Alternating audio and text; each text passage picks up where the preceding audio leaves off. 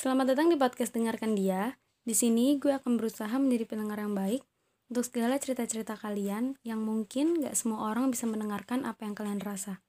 Semoga setelah kalian bercerita dan mencoba untuk memandang dari sudut pandang yang berbeda, rasa kesal, sedih, dan kecewa kalian bisa segera mereda.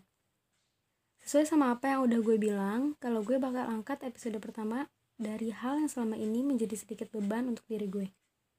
Bahkan, karena predikat ini pula, hidup gue berhasil dibikin sekat-sekat supaya gue menjadi yang terbaik dalam tanda kutip untuk mereka. All this, meaning tertua.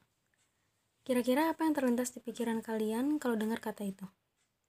Kalau gue terbaik, paling dipandang, dan sebagai acuan. Terus daughter, meaning anak perempuan. Kira-kira hal apa yang terlintas dalam benak kalian? Jelas banget sih kalau gue adalah sosok yang sangat perlu diperhatikan dan ya mungkin sedikit manja. Tapi dalam hidup anak perempuan, kata manja adalah hal yang benar-benar harus dihilangkan. Karena kenapa? Karena kita adalah anak pertama. ya, itu sih poinnya.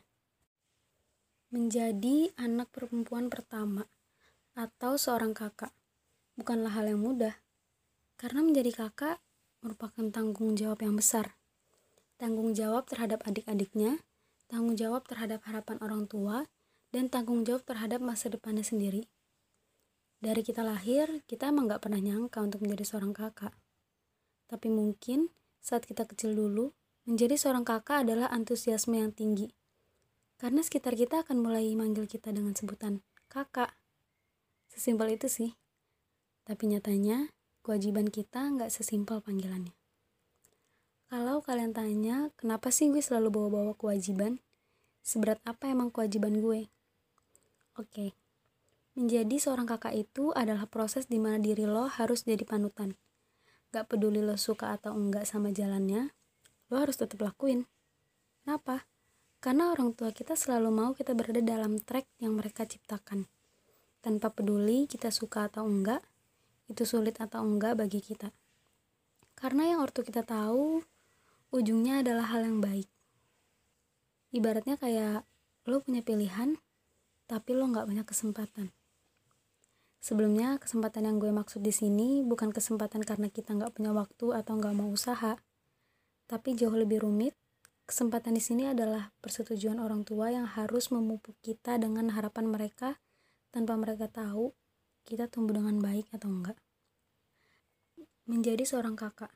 Menjadi seorang kakak itu menjadikan kita pribadi yang entah sadar atau enggak harus menjadi kuat sepenuhnya. Gue udah bilang kan di awal kalau anak perempuan itu lebih butuh banyak perhatian daripada anak laki-laki. Kenapa gue berani bilang kayak gini? Karena dari sisi emosional pun perempuan lebih banyak mengalami emosi yang berantakan daripada laki-laki yang cenderung lebih stabil dan berpikir logis kalau emosi. Semua perempuan punya sifat manja, dan gak selamanya sifat manja itu selalu buruk. Tapi saat lo udah menjadi kakak, secara gak langsung, sifat alami itu mau gak mau harus lo hapus. Entah karena diri kita yang emang bakal malu sama adik-adik kita, atau karena dorongan orang tua yang mengharuskan kita untuk selalu menjadi mandiri hal itu emang gak salah karena menurut gue semua anak emang harus punya sifat mandiri tapi rasanya sifat mandiri seorang kakak beda dan yang paling sering banget terjadi adalah di mana kita sebagai anak tertua sering banget jadi pelampiasan harapan-harapan orang tua yang sebenarnya sangat-sangat bertolak sama kemauan dan harapan kita sendiri. Jujur, ini sih yang paling berat. Bahkan ada beberapa yang bilang kalau hal ini yang membuat hidup dia merasa benar-benar ditentukan oleh harapan orang tua. Sebenarnya harapan itu nggak salah. Yang salah adalah kemauan yang terlalu kuat untuk maksa orang lain buat mewujudkannya. Hey, every hopes are different to be real. Even the purpose are with the person who make it become. Gak semua harapan bisa terwujud di diri orang lain. Mungkin harapan itu bukan di diri kita, tapi siapa tahu orang lain mampu mewujudkannya. Makanya, tantangan terbesar seorang kakak atau bahkan semua anak tertua adalah mengalah dengan ego sendiri. Jadi jangan heran kalau kalian punya kakak yang sifatnya keras kepala. Karena kalian bisa lihat sendiri kan, banyak banget tekanan-tekanan yang selama ini nggak kalian lihat dalam diri mereka. Um, mungkin tarik napas dulu kali ya, supaya kalian yang merasakan hal yang sama seperti gue, jadi nggak tersulut emosi atau perasaan pengen lepas. Sebelumnya gue minta maaf kalau ada perkataan yang mungkin gak enak didengar atau buat kalian gak setuju. Dan gue juga gak ada maksud untuk membuat opini baru di kepala kalian perihal menjadi seorang kakak. Enggak, sama sekali gak ada pikiran ke sana. Pada asalnya, semua anak dilahirkan menjadi baik. Hanya saja, untuk mencapai kata baik itu ada banyak jalan untuk bisa sampai ke sana. Mungkin kita masih belum paham atas segala yang terjadi atau atas apa-apa yang menjadikan kita seorang kakak. Tapi ada satu yang perlu kita ingat, bahwa nggak ada garis start tanpa garis finish. Wajar kalau capek, wajar kalau kalian menangis. Nggak selamanya menjadi kakak perempuan harus selalu kuat.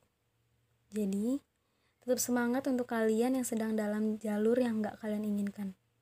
Karena gue juga gitu, kita sama. So, cheer up ya. Matahari nggak pernah lupa waktu untuk bersinar kok. Bulan juga sama.